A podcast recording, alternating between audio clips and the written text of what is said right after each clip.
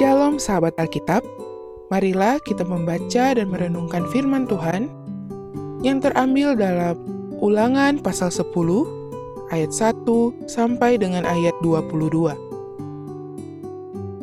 Pada waktu itu berfirmanlah Tuhan kepadaku, Pahatlah dua loh batu yang serupa dengan yang mula-mula.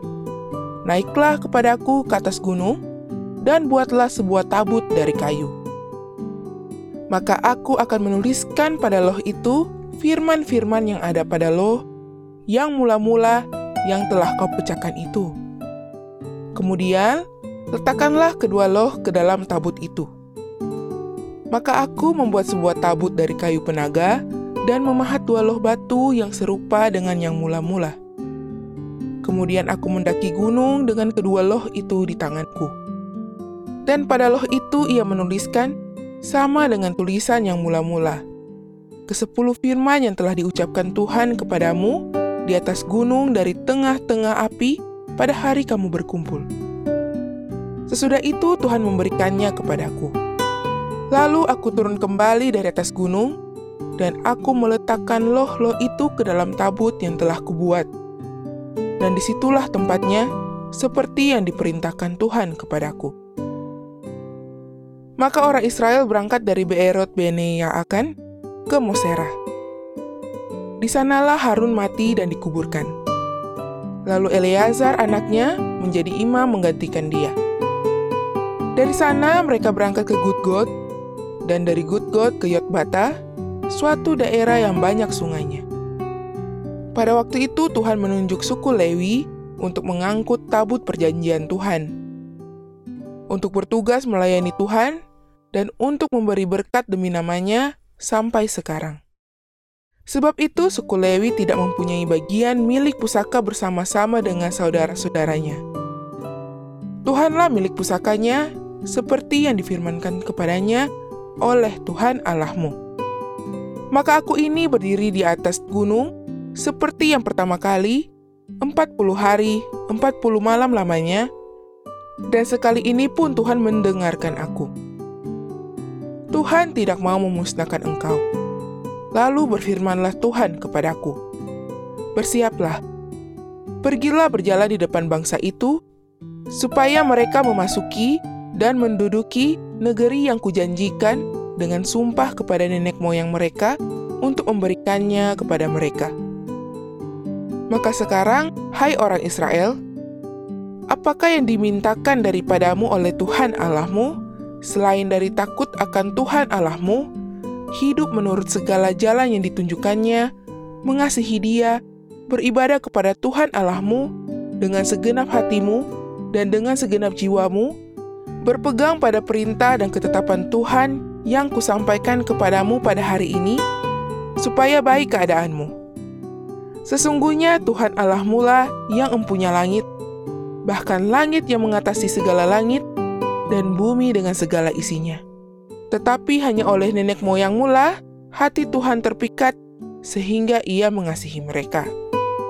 Dan keturunan mereka lah, yakni kamu, yang dipilihnya dari segala bangsa seperti sekarang ini. Sebab itu, sunatlah hatimu, dan janganlah lagi kamu tegar tengkuk. Sebab Tuhan Allahmu lah, Allah segala Allah, dan Tuhan segala Tuhan, Allah yang besar, kuat dan dahsyat, yang tidak memandang bulu, yang membela hak anak yatim dan janda, dan menunjukkan kasihnya kepada orang asing dengan memberikan kepadanya makanan dan pakaian.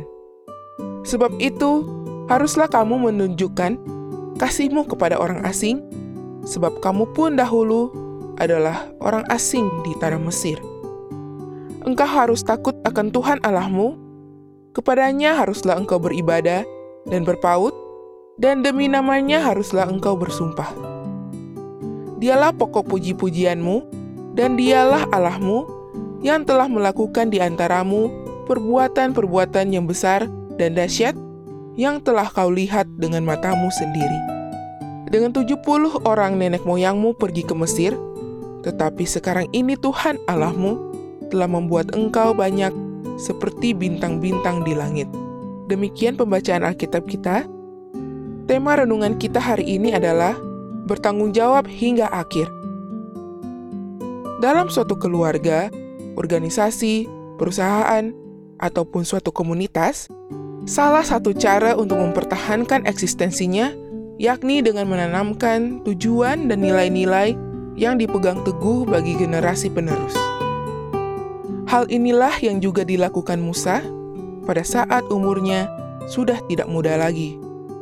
Sebelum memasuki tanah perjanjian, yakni tanah Kanaan, Musa pun menguraikan apa yang telah dicapai sepanjang masa kepemimpinannya dan kembali mengingat besarnya kasih dan penyertaan Tuhan di sepanjang perjalanan bangsa Israel.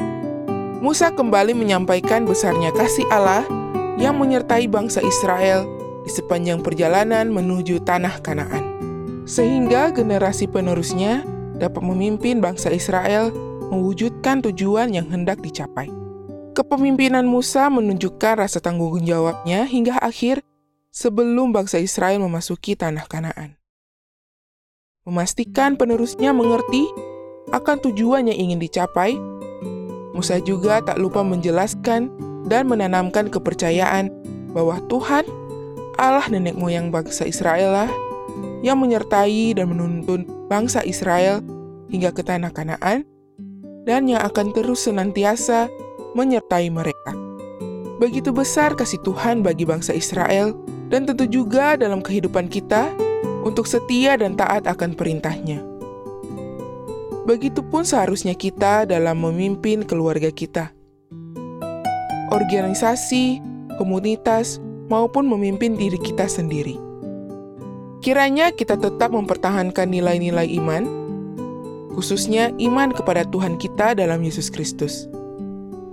Sehingga Kristus senantiasa eksis dan nyata dalam kehidupan kita sehari-hari di mana pun kita berada.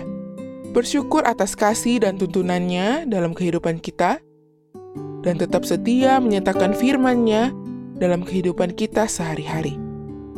Salam Alkitab untuk semua.